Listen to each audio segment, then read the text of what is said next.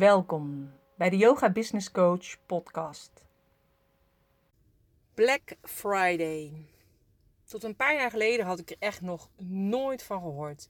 En toen bleek dus dat Black Friday de dag was na Thanksgiving en de dag dat iedereen bij elkaar zit, gezellig met elkaar eet, uh, rust, bezinning, samen zijn, cadeautjes geven. En dat de volgende dag dus alles in de aanbieding was. En wat dan dus minder rust en bezinning is. Omdat zelfs vreemden elkaar bijna de hersens inslaan. Omdat ze graag een tv of een ander apparaat willen kopen in de winkel. Nou ja, vorig jaar zag ik al dat meerdere winkelketens uh, op Black Friday ingingen. En uh, op de dag zelf eigenlijk de meeste. En nu zie ik dit jaar echt dat mensen al een week van tevoren reclame aan het maken zijn voor Black Friday. Nou, als ondernemer en je hebt bijvoorbeeld een voorraad en je hebt de goederen die je wil verkopen, kan het natuurlijk interessant zijn om je oude voorraad tegen dumpprijzen te gaan verkopen.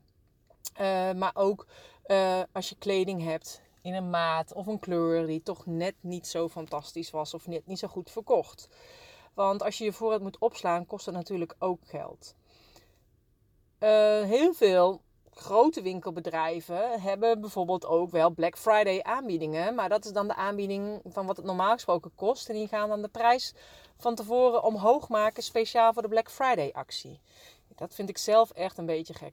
Ik zie ook online yoga-programma's voorbij komen en andere online programma's die echt tegen dumpprijzen aangeboden worden met soms wel 70% korting. Ik vind het ook echt een slechte zaak, want een online yoga-programma maken kost heel veel geld. Om te zorgen dat die staat op een online academie kost geld. De video's editen, de werkboeken maken door een designer, nou noem maar op. Er zijn heel veel kosten mee gemoeid. En als jij hem gaat verkopen tegen een dumpprijs, ja, dan heb je echt alleen jezelf ermee. Want een paar zaken begrijp ik niet. Waarom zou je een, je product tegen dumpprijzen wegdoen? Het lijkt dan gewoon net alsof het bedrag niet waard is en je haalt alleen maar jezelf naar beneden. En waarom hou je je klant voor de gek? Waarom zou je een hoger bedrag gaan vragen om dan een zogenaamde Black Friday actieprijs te gaan doen? Uh, uiteindelijk val je toch door de mand. Die klanten zijn echt niet dom. En wat is de meerwaarde voor jouw bedrijf als je met deze dumpprijzen gaat gooien? En even snel een omzet wil draaien nog voor het einde van het jaar. Die dumpprijzen met producten is natuurlijk anders als met diensten. Maar ik heb van Jos Burgers geleerd om nooit korting te geven. En ik heb wel eens vaker gezegd, hij heeft hele toffe video's op YouTube. Dus echt zeker de moeite waard om te gaan kijken. Hij zegt bijvoorbeeld, het lijkt tegenwoordig wel alsof klanten alleen nog maar geïnteresseerd zijn in de prijs. Maar dat beeld klopt niet. Je verkoopt namelijk een product of dienst en geen korting. Wees er als verkomende partij dus voor beducht dat je er ook niet zo in staat. En ik ben van mening dat als jij echt goed nadenkt over je prijs en deze ook gedegen bepaalt en zorgt dat je er ook achter staat, dat je trots bent op de prijs die je vraagt en dat ook echt uitstraalt, um, dat het ook geen punt is. Want jij bent gewoon je prijs. Je hebt er van tevoren over nagedacht.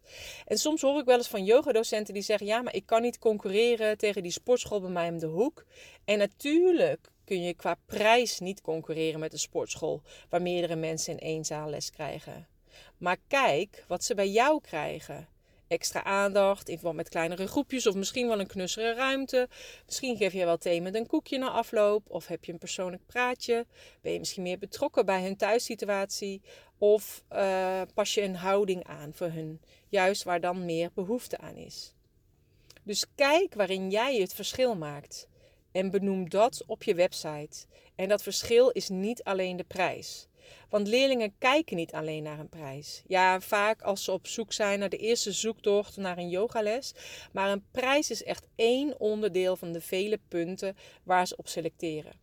Zo kijken ze bijvoorbeeld ook naar de kwaliteit van een les, uh, de service die je biedt, of je een goede naam hebt opgebouwd, of, of dat je echt ook waarmaakt, dus wat jij belooft. En zo nog veel meer onderdelen waar ze uh, eigenlijk op selecteren. En prijs is dus één onderdeel. En laat het daar dus niet op afhangen. Want als je altijd korting heeft, bijvoorbeeld door middel van die Groupon-acties of wat je ook wel eens ziet bij grote saunaketens, dat je dan diverse kortingscodes krijgt. Op een gegeven moment weten mensen dit en bouw je daarin een reputatie op. En klanten wennen dan hieraan en willen dan de volgende keer weer een korting. Dus mocht je echt en graag een korting willen geven, zeg dan echt expliciet dat het een eenmalige kortingsactie is. En mocht je toch graag iets willen doen met Black Friday, bedenk dan een ludieke actie. Of houd een soort van Thanksgiving in ere en ga juist delen met elkaar. Uh, doe een Bring a Friend actie of twee voor de prijs van één. Of geef gewoon een extra bonus weg. Ik ben heel benieuwd wat jij gaat doen met Thanksgiving of Black Friday of misschien wel met de Sinterklaas actie. Als je überhaupt een actie geeft. En uh, wat dat dan zal zijn. Dus Geef het vooral in een reactie onder deze podcast. Ik wens je heel veel succes.